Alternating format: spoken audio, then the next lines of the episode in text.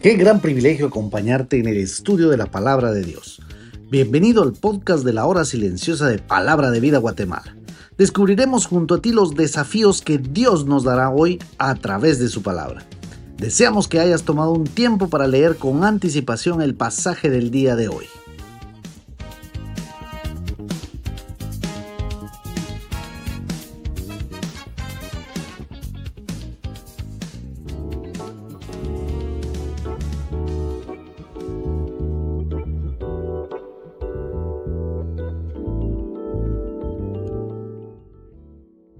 Estoy seguro que el Señor te ha estado bendiciendo mucho en este tiempo. El día de hoy viernes nuestra meditación se encuentra nuevamente en el Evangelio de Jesucristo según Marcos, esta vez en el capítulo 16 del versículo 1 hasta el 8, y ahora leemos las escrituras que dicen, Cuando pasó el día de reposo, María Magdalena, María la madre de Jacob y Salomé compraron especias aromáticas para ir a ungirle, y muy de mañana, el primer día de la semana, vinieron al sepulcro ya salido el sol. Pero decían entre sí, ¿quién nos moverá la piedra de la entrada al sepulcro? Pero cuando miraron, vieron removida la piedra que era muy grande. Y cuando entraron en el sepulcro, vieron a un joven sentado al lado derecho, cubierto de una larga ropa blanca, y se espantaron. Mas él les dijo, no os asustéis, buscáis a Jesús Nazareno, el que fue crucificado, ha resucitado, no está aquí. Mirad el lugar en donde le pusieron. Pero id, decid a sus discípulos y a Pedro que él va delante de vosotros a Galilea, allí le veréis como os dijo. Y ellas se fueron huyendo del sepulcro, porque les había tomado temblor y espanto. Ni decían nada a nadie, porque tenían miedo.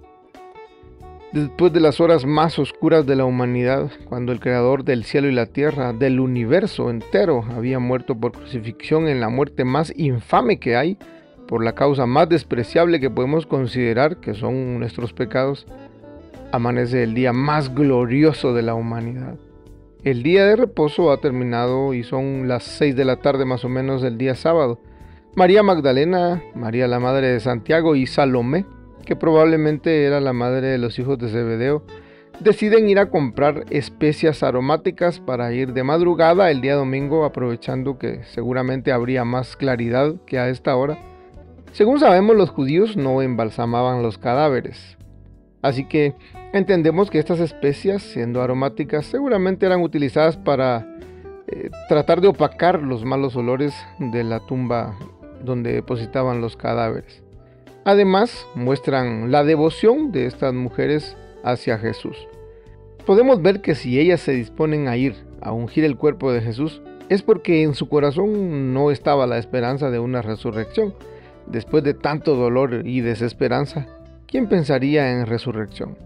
Ahora, el gran problema al que se enfrentaron al amanecer del día domingo, además de la desesperanza, era una piedra tal vez en forma de disco, aunque no sabemos con exactitud porque aún está en discusión la forma de la piedra, pues era de gran tamaño de todas maneras y seguramente muy pesadas. Si consideramos un par de cosas aquí, los que se empeñan en poner en tela de dudas la resurrección de Cristo argumentan cosas como seguramente se equivocaron de tumba.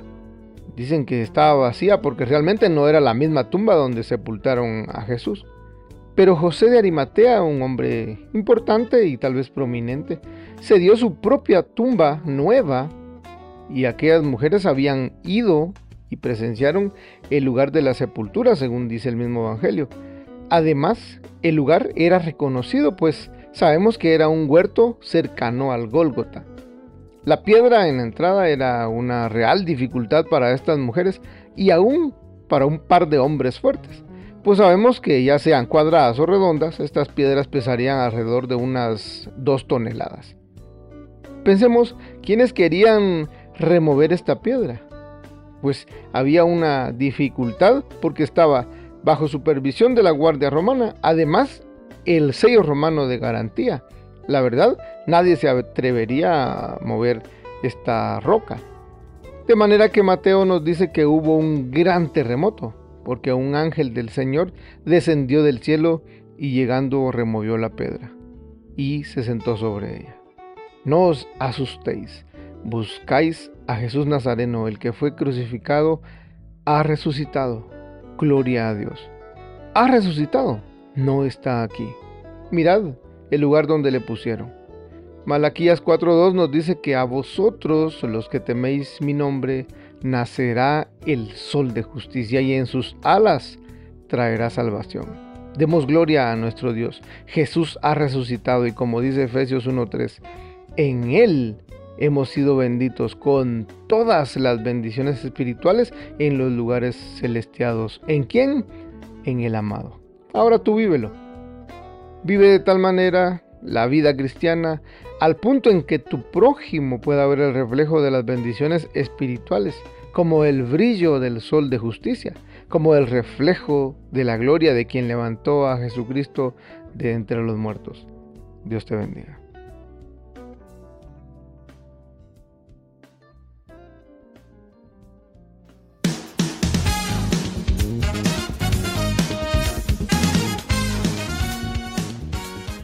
Es emocionante saber los tesoros que Dios tiene en su palabra para nosotros.